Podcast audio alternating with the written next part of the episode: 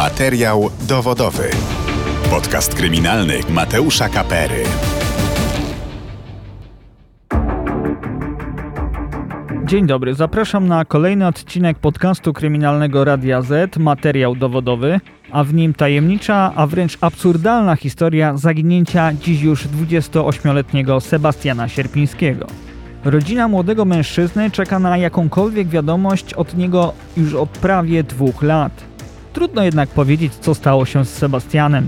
W sierpniu 2021 roku wówczas 26-letni mieszkaniec Gryfina wracał samochodem z pracy ze swoim szefem. Jak wynika ze słów pracodawcy mężczyzny, Sebastian nagle miał wyskoczyć z samochodu i wbiec w pole kukurydzy. Od tego momentu zaginiony nie nawiązał kontaktu ani z rodziną, ani ze swoim szefem. Mimo akcji poszukiwawczych obejmujących tereny bagienne oraz pobliskie jezioro, nie odnaleziono ciała Sebastiana. Czy to oznacza, że dwudziestoparolatek został porwany lub zamordowany? Dlaczego szef Sebastiana nie powiadomił policji ani rodziców chłopaka o jego zaginięciu? Czy coś wspólnego ze sprawą ma partner koleżanki Sebastiana, który brutalnie pobił zaginionego?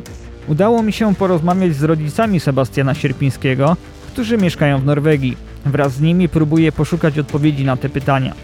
Zanim przejdziemy do materiału o tej sprawie, przypomnę tylko, że wszystkie odcinki podcastu dostępne są na kanale Radia Z w serwisie YouTube i na player radioz.pl, a także na platformach streamingowych Spotify, Apple Podcast i Google Podcast. Oceniajcie, komentujcie i zgłaszajcie nam sprawy, o których chcielibyście usłyszeć w kolejnych odcinkach. Każda Wasza reakcja, komentarz czy udostępnienie odcinka pomagają nam docierać do nowych słuchaczy. Materiał dowodowy. Podcast kryminalny Mateusza Kapery. Do zaginięcia Sebastiana Sierpińskiego doszło 14 sierpnia 2021 roku w okolicach wsi Wirówek, około godziny drogi od Szczecina. Mężczyzna miał wówczas 26 lat. Od niedawna próbował ułożyć sobie życie w Polsce. Wcześniej przez 6 lat mieszkał w Norwegii wraz z rodzicami i młodszym bratem. Przeprowadziliśmy się do Norwegii 13 lat temu, mąż troszeczkę wcześniej. Tak, to, to takie były plany, na, że ja przyjadę tutaj na 5 lat. Opowiadają rodzice Sebastiana, Krystyna i Krzysztof Sierpińscy. Chyba po dwóch latach już było tak, że Ciężko nam było. ciężko nam było, że ja byłem tutaj, a żona z dziećmi tam. No po dyskusji żeśmy stwierdzili, że jednak przeprowadzamy się tutaj, bo w tamtym może czasie... będzie tutaj łatwiej, tak jakoś materialnie No. i będzie może łatwiej tutaj wychowywać dzieci, łatwiej będzie się nam tu może żyło. Po sześciu latach spędzonych w Norwegii, Sebastian postanowił poszukać swojego miejsca gdzie indziej. Przez chwilę mieszkał i pracował w Holandii oraz Niemczech. W końcu wrócił do Polski. Zamieszkał w Gryfinie, nieopodal Szczecina. Tak, on cały czas gdzieś go tam y, ciągnęło. Wydawało mi się, że tam chyba tam siebie bardziej y, widział i, i jakoś tam, tam sobie chciał układać y, życie. Tam w tym Gryfinie, jak się zakotwiczył, to tak już Wydawało się, że. same że... ochy i jachy, wie pan, w tym Gryfinie, że tak fajnie, że tutaj ma co robić. I Jest taka praca, którą on lubi, że może jeździć i z tym y, szefem tak się dogadują, że to, to, na, na takiej stopie koleżeńskiej. No, był za, za, za, zachwycony był i tym bardziej, że tutaj była taka opcja, że później będzie się opiekował tymi mieszkaniami, także tam jedno mieszkanie miało być dla niego. Mimo rozłąki, sierpińscy mieli z synem bardzo dobry kontakt. Codziennie rozmawiali przez telefon. Zasadniczo mieliśmy kontakt z Sebastianem codziennie. Jak nie ja, to żona. Ale codziennie byliśmy, yy, on dzwonił, czy my dzwoniliśmy. On nieraz potrafił zadzwonić nawet o 12 w nocy, bo mu się nudziło i on dzwonił do nas, żeby sobie pogadać. I ja po prostu sobie tak w piątek rozmawiałem z Sebastianem, w sobotę e, myśla, pomyślałem, że może z żoną porozmawiał. Doszło między nami do rozmowy, bo ja mówię, i co u Sebastiana? Rozmawiałeś z nim dzisiaj? Nie. A ty z nim dzisiaj nie rozmawiałaś? Więc to już było w niedzielę i my dostaliśmy w tym momencie paniki. Yy, I już od tego momentu po prostu próbowaliśmy się do niego dodzwonić i już ten telefon był nieczynny. No i w poniedziałek ty zadzwoniłaś do yy, szefa. Szef Sebastiana przekazał rodzicom bardzo dziwną i szokującą informację. Ich syn miał nagle wyskoczyć z samochodu i zniknąć w polu kukurydzy.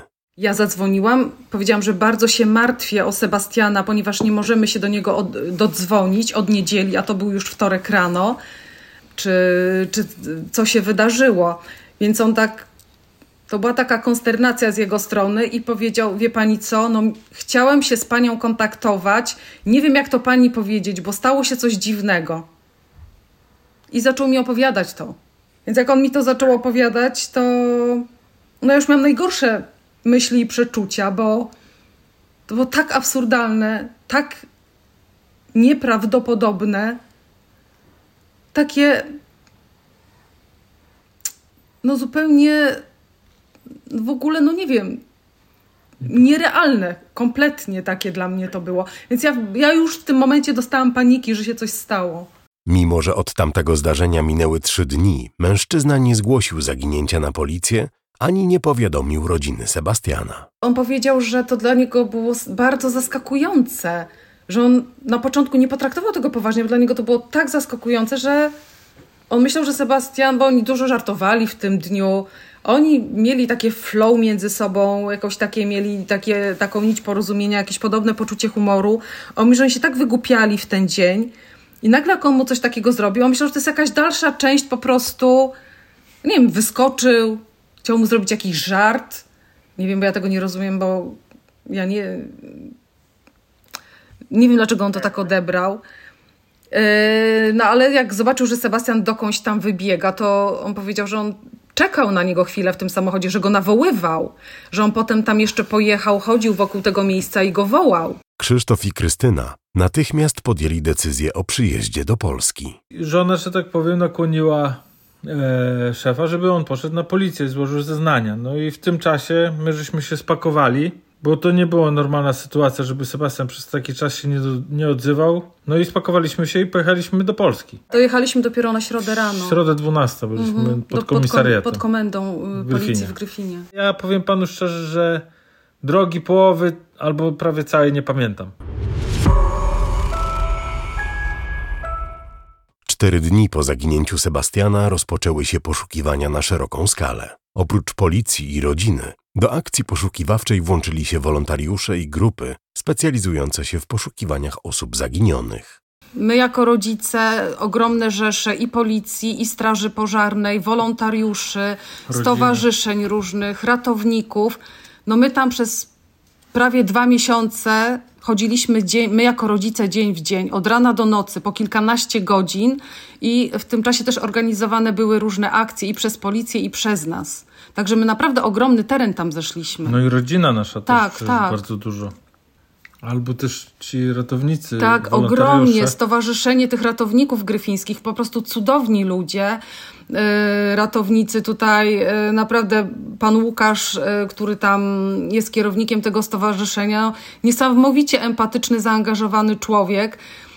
Wiem, że oni mnóstwo terenu też tam zeszli po prostu i, i bez nas także. Gryfińskie Stowarzyszenie Ratownicze udostępniło rodzinie poszukiwanego Sebastiana specjalną aplikację umożliwiającą oznaczanie na mapie miejsc, które zostały już sprawdzone. Sierpińscy wraz z policją i szefem Sebastiana pojechali na miejsce, w którym po raz ostatni widziany był ich syn. Pojechaliśmy na te pole kukurydzy. Ile to jest kilometrów od Gryfina gdzieś? Bo to jest wioska pod, y, miejsc, To jest pod miastem. 15 minut samochodem. Mhm. To jest taka Miejscowość Wirówek. wirówek, malutka, malutka Malutka wioseczka. wioseczka. Tam mnóstwo jest tych pól kukurydzy naokoło. Przez wioskę przebiega droga, są jakieś domostwa porozrzucane, są pola, lasy, bagna i jeziora.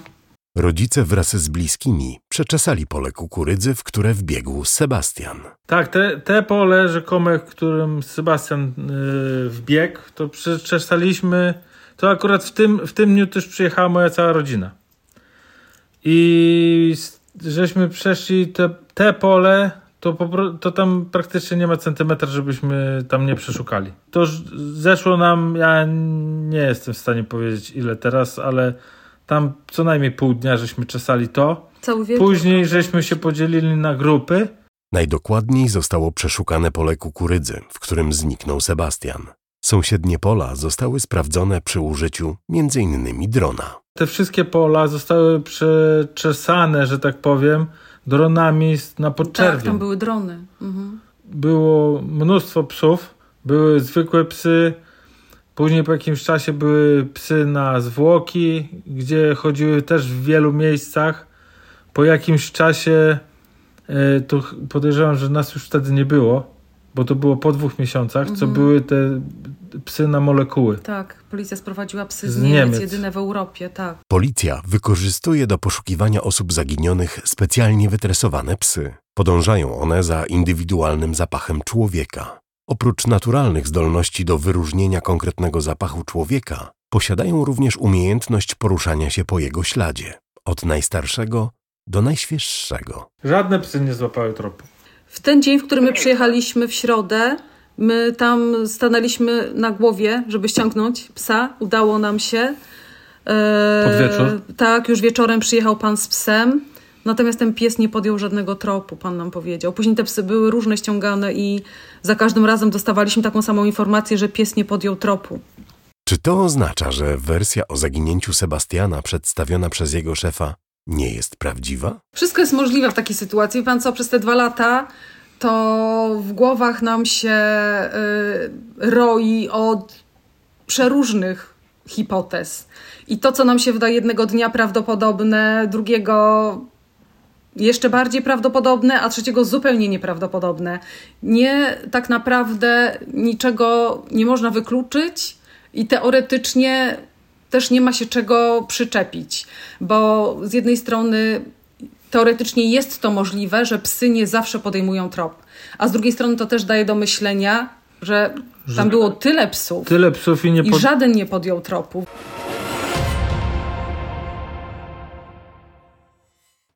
Mimo, że Sebastian miał służbowy samochód, którym dojeżdżał do pracy, to feralnego dnia miał jechać w nim jako pasażer. No właśnie taka dziwna sytuacja, bo zawsze Sebastian nam opowiadał, że on jest kierowcą. No i ten samochód był do jego dyspozycji. On dostał ten samochód właśnie, żeby, bo tam parę kilometrów y, Sebastian wynajmował. y, On tam on mieszkał w Gryfinie, a dojeżdżał tutaj właśnie do Wirówka do pracy i dostał takie auto, którym mógł y, tam dojeżdżać się, pos- posługiwać się tym autem. A tutaj opis tak jakby tego feralnego dnia jest taki, że właśnie, że to on go ma, miał odwozić do domu. Nie rozumiemy dlaczego i on nam tego nie potrafi wytłumaczyć. Że szef Sebastiana Tak. odwoził do domu. Bo zawsze to było tak, że Sebastian odwoził yy, go, brał samochód i jechał do siebie. A tutaj nagle jest taka sytuacja, że on miał odwieźć Sebastiana do domu. I on zaczął się w trakcie dziwnie zachowywać, więc to on nie ujechał daleko, on odjechał z pół kilometra. Dlaczego Sebastian nagle miałby wyskoczyć z samochodu i wbiec w pole kukurydzy? Niedługo przed zdarzeniem zadzwonił do swojej dziewczyny, uprzedzając ją o powrocie do domu. Sebastian miał również wideorozmowę ze swoim kolegą. Rozmawiał też z kolegą na wideo, że jadę do domu, słuchaj, podłączę się i, i z tobą poroz- i porozmawiamy. I kolega jest pewien, że to Sebastian był kierowcą. A co na to szef Sebastiana? To on tu twierdzi, że oni się przesiedli. Mimo wielu wątpliwości, policja uznała, że relacja szefa Sebastiana odnośnie zniknięcia mężczyzny jest wiarygodna. Były rozmowy, wiemy, że, że były rozmowy y, policji tutaj z nimi. Nikt nam nie przekazał żadnych informacji, że tam są jakieś podejrzenia w stosunku do tego pana. W polu kukurydzy nie znaleziono również żadnych rzeczy należących do Sebastiana. Tak jak Sebastian, z tego co szef powiedział, był w klapkach, w, podkoszulce na krótki rękaw Mm, i w krótkich krótkich spodenkach. spodenkach i w kapeluszu słomkowym. I on wybiegł w to pole kukurydzy i nie zgubił klapka, Telefonu. nie zgubił telefonu, bo Cie- telefon wziął ze sobą. W kieszeni jakiś tam klucza od mieszkania. Nie zgubił kapelusza, gdzie my żeśmy twarze za- zasłaniali idą, idąc przez tą kukurydzę. To, to jest po prostu, wie pan, wielki znak zapytania. Dopiero miesiąc po zniknięciu Sebastiana, nieopodal pola kukurydzy, odnaleziono słomkowy kapelusz. Nie ma jednak pewności, że należy do zaginionego mężczyzny. Nie mamy takiej Mm, pewności. Nikt tego nie potwierdził. Policja powiedziała, że y, jest to niejednoznaczne. Także my do końca pewności nie mamy, czy to jest kapelusz Sebastiana. Natomiast tak jak z tego zdjęcia, które w tym dniu zostało mu zrobione przez jego szefa, to on miał na głowie ten kapelusz i ten kapelusz wygląda identycznie. Jak to możliwe, że w pierwszych dniach poszukiwań nie ujawniono porzuconego kapelusza? Wie pan, bo on nie wyglądał tak, jakby, jakby leżał w, w lesie przez te miesiąc, miesiąc. Czy, czy tam ile. Tym bardziej, że tam trochę padał deszcz też, ale też nie był taki, że tak powiem, świeży. To, to było widać, że on tam jakiś, jakąś, jakiś czas, tak na moje oko, to, to nie wyglądało, jakby on tam przeleżał miesiąc czasu. Także jest też opcja, wie pan, że. Bo ten kapelusz nie leżał na ziemi. On On leżał, zawieszony on był zawieszony na gałęzi przewróconego drzewa. On był gdzieś e, może z 70 centymetrów nad ziemią, może metr, nie wiem. Jak działają tam e, warunki atmosferyczne na taki kapelusz, który wisi, nie jestem w stanie odpowiedzieć.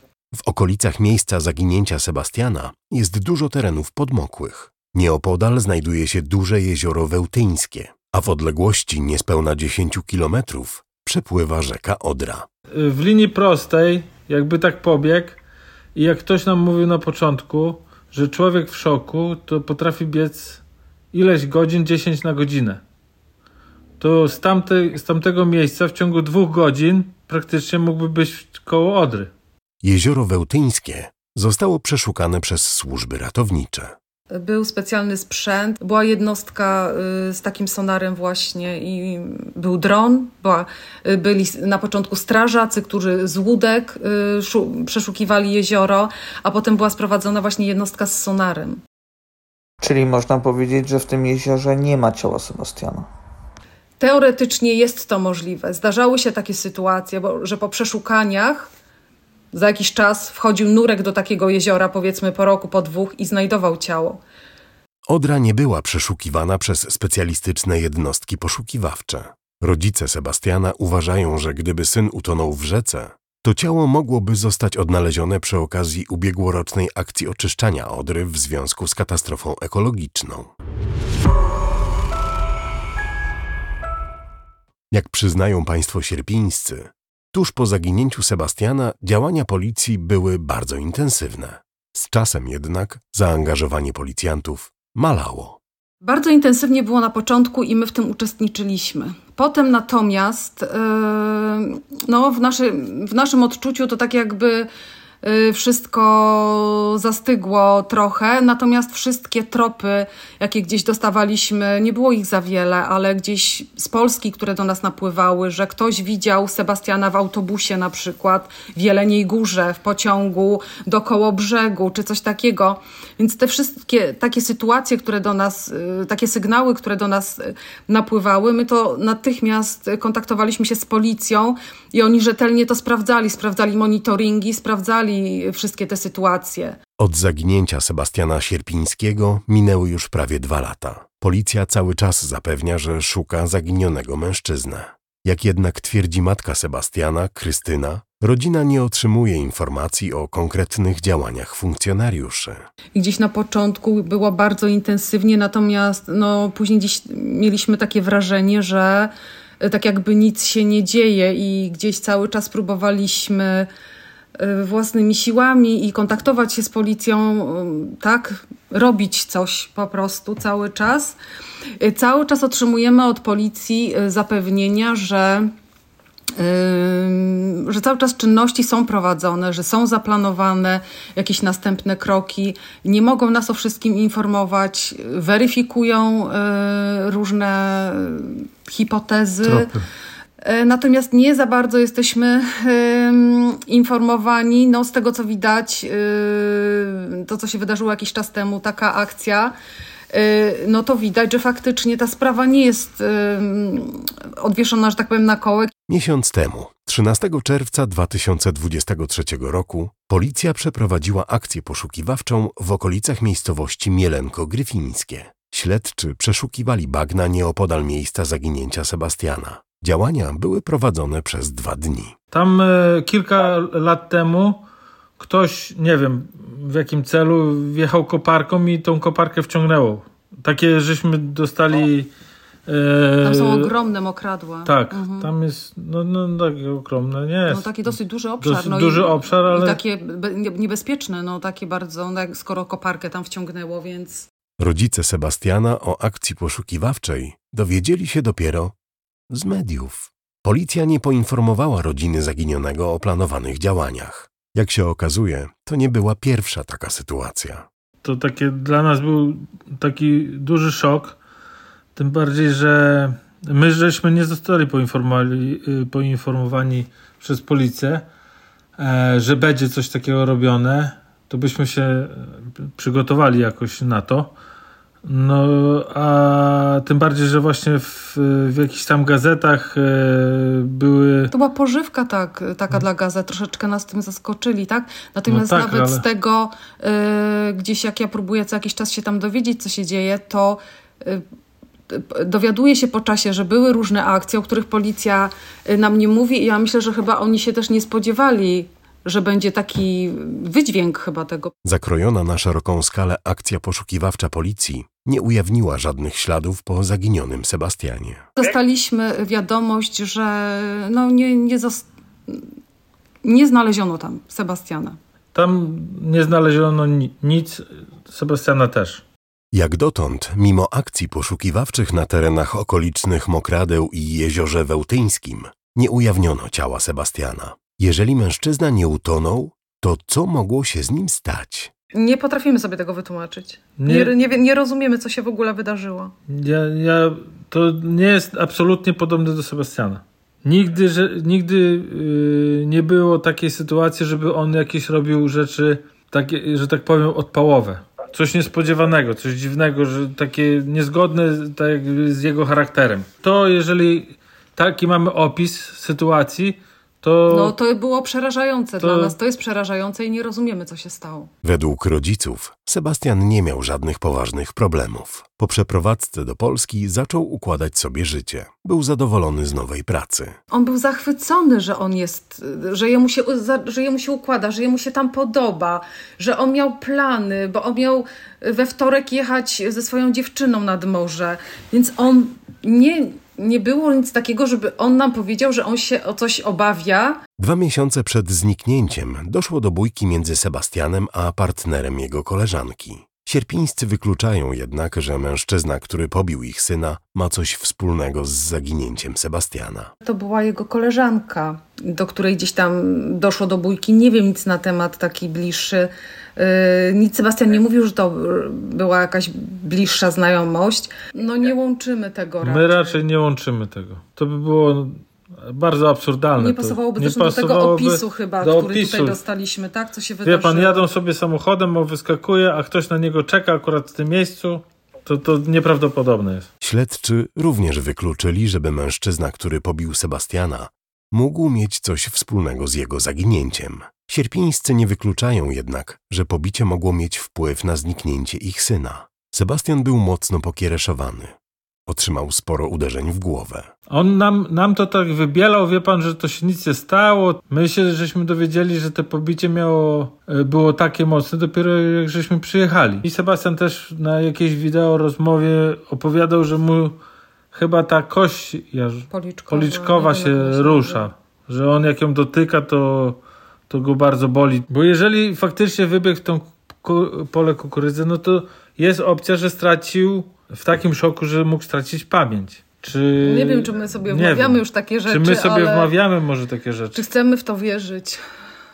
Rodzice wykluczyli również miłosny powód zaginięcia syna. Chłopak od niedawna zaczął spotykać się z nową dziewczyną. Był w niej zakochany. Z wzajemnością. Oni się znali niby od y, dłuższego czasu i się ze sobą, że tak powiem, kolegowali, natomiast jako para to, to było bardzo świeże. No bardzo ona to przeżywała razem z nami, jeździła na te wszystkie poszukiwania. Ona tak samo y, była zaskoczona i y, tam nie było żadnej kłótni. Oni byli ze sobą w kontakcie. On 20 minut przed tym zdarzeniem, które zostało opisane, dzwonił do niej i powiedział, że y, przyjedzie do domu, podłączy telefon i, i że do niej zadzwoni. Sebastian nie miał także żadnych wrogów. Był otwartym i przyjaźnie nastawionym człowiekiem.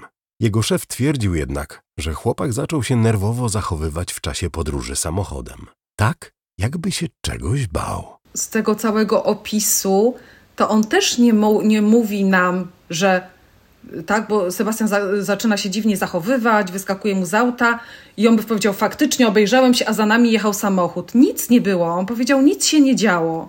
No. Nikogo nie było. Byliśmy sami na drodze. Bo z tego, z tego co yy, szef mówi, no to Sebastian zaczął się zachowywać dziwnie i że go namierzyli, czy go śledzą, już nie pamiętam dokładnie, że go namierzyli i zaczął się dziwnie, zaczął się obracać za siebie. No i wtedy yy, szef zatrzymał samochód i Sebastian wyskoczył, Wybiegł mu z, wyby, wybiegł mu z samochodu. Może i on to podciągnął pod jakiś żart, nie wiem, bo on się porozglądał, no to on wyszedł z samochodu, nikogo nie zobaczył. Żeby ktoś ich śledził, tym bardziej, że ma lusterkę, no to też by widział, że ktoś ich śledzi. Sierpińscy ogłosili nagrodę za informacje dotyczące zaginionego. Informator może liczyć na 20 tysięcy złotych. Jak dotąd nikt nie miał prawdziwych i przydatnych informacji o miejscu pobytu syna Sierpińskich. Jak wspomina mama Sebastiana, Krystyna, syn od zawsze był otwartą i radosną osobą. Zresztą jak był dzieckiem, może później to aż tak nie, ale lubi być takim centrum zainteresowania. Y, Taki po prostu gaduła, y, ale nie, że, że, że papla taka, tylko po prostu taki, no, bardzo towarzyski chłopak, no, taki, który lubi jak się coś dzieje, jak są ludzie dookoła. Tak, od dzieciaka na Tak. krzesło i wierszyk mówił. Nawet jest taki filmik, jak on jest taki malutki właśnie, ma niecałe dwa latka. Tak. Jest jakieś przyjęcie rodzinne, chyba nawet w związku z chrzcinami y, młodszego syna, gdzie my jesteśmy trochę zajęci, tak i w pewnym momencie y, on coś tak chodzi, ja to do filmiku dopiero później zobaczyłam, że on mnie gdzieś tak cały czas mamusia, mamusia i w pewnym momencie wszedł na krzesło i ja teraz mówię. I był wierszyk, wszyscy musieli zwrócić uwagę na niego, że on właśnie teraz chciał powiedzieć wierszyk. Rodzice Sebastiana cały czas wierzą, że ich syn się odnajdzie. Mają nadzieję, że nagłaśnianie tej sprawy pomoże w odnalezieniu Sebastiana. Nic nie przemawia za tym, że Sebastian, że go już nie ma.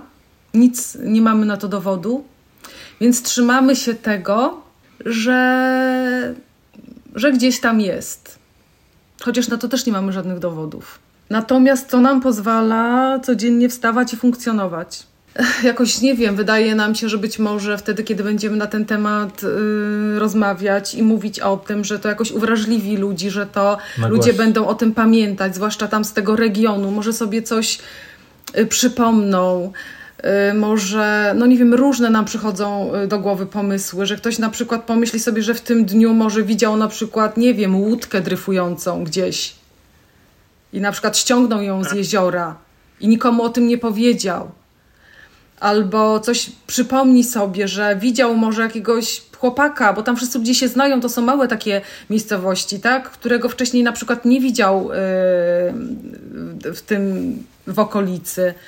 Krystyna i Krzysztof przyznają, że niepewność i ciągłe oczekiwanie na wiadomość o zaginionym synu wykańczają ich psychicznie. Nie da się y, y, cały czas funkcjonować na takich stuprocentowych obrotach, tak jak my to robiliśmy przez pierwsze miesiące, że ja y, nie byłam w stanie spać ani jeść, bo ja sobie wyobrażałam, że w tym czasie mój Sebastian może jest w jakimś miejscu i on nie ma co jeść i nie ma gdzie spać. Przychodzą dni, kiedy po prostu, ja nie wiem, jakaś taka nadzieja wstępuje, że, że to musi się wszystko dobrze skończyć. Nie ma żadnych dowodów na to, które by wskazywały, że go już nie ma. Więc jeżeli nie ma ta, takich dowodów, więc możemy cały czas mieć nadzieję, tak? Natomiast przychodzą, wiadomo, takie dni, że no, człowiek ma dość wszystkiego i em, I chciałby w tym momencie dostać jakąkolwiek Tak. informację. tak. Tego momentu, gdy Sebastian zaginął, nie mamy zasadniczo żadnej informacji, ani dodatniej, ani kompletnie. ujemnej. Także tutaj nie, nie ma w którą stronę, że tak powiem, w którą stronę iść, żadnych sznurków, żeby jak, jak je pociągnąć. To, to jest najgorsze właśnie, że my my mamy w głowach tylko to, co nas, nasz mózg potrafi narysować, aczkolwiek to nie, nieraz jest po prostu tak, tak y, dołujące i negatywne, że człowiek już Nie nie, nie, potrafi tego. wytrzymać tego. Sierpińscy są bardzo wdzięczni rodzinie i wszystkim ludziom, którzy pomagają w poszukiwaniach ich zaginionego syna. Strasznie chcielibyśmy im podziękować. My już to mówiliśmy, ale no my jesteśmy bardzo wdzięczni. Kuzynka y, męża pojechali do pewnej y, drukarni w Szczecinie, a właścicielem jest pan Krzysztof Rykała i bardzo jesteśmy wdzięczni. To jest zupełnie obcy człowiek który po prostu gdzieś po usłyszeniu takiej historii, że my szukamy y, naszego dziecka, on jak się dowiedział, jaka jest sytuacja, on za darmo nam wydrukował mnóstwo plakatów, które my rozwieszaliśmy tam po całym tym regionie. I w ogóle y, ludzie, którzy przyjeżdżali, bo już nie wspomnę, że, że nasza rodzina, y, przyjaciele Sebastiana, znajomi Sebastiana, ale też ludzie, których my w ogóle y, nie znaliśmy. Zupełnie obcy ludzie, wolontariusze, mhm. którzy się dowiedzieli, że jest taka sytuacja, po prostu przyjeżdżali na ogłoszenia, które dawaliśmy na Facebooku, że organizujemy akcję poszukiwawczą. Rodzice Sebastiana mają tylko jedno życzenie: żeby ich syn wrócił do domu, cały i zdrowy. To jest rzecz, o której my marzymy. To jest, ym, to jest jedyne nasze życzenie, tak naprawdę. Nam niczego więcej do szczęścia nie trzeba w tym momencie. To jest coś. To jest coś, czego sobie życzymy. To jest, to jest spełnienie naszych marzeń. Tak, jedyna rzecz, którą, którą, którą byśmy e, sobie życzyli.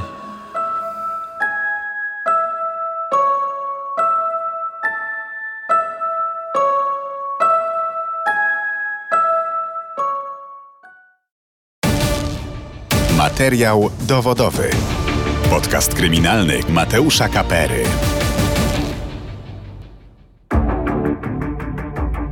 Sebastian Sierpiński w dzień zaginięcia był ubrany w czarną koszulkę i krótkie spodenki tego samego koloru. Miał także na głowie słomiany kapelusz. Mężczyzna jest szczupły, ma 185 cm wzrostu, włosy krótkie, ciemne, a oczy niebieskie.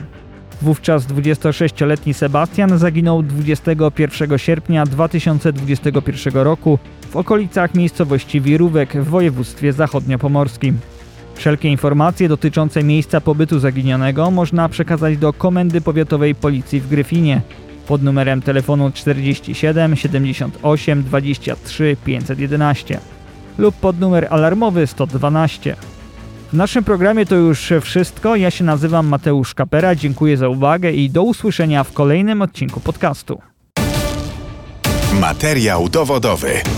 Wszystkie odcinki naszego podcastu kryminalnego znajdziesz na player i na najważniejszych platformach streamingowych.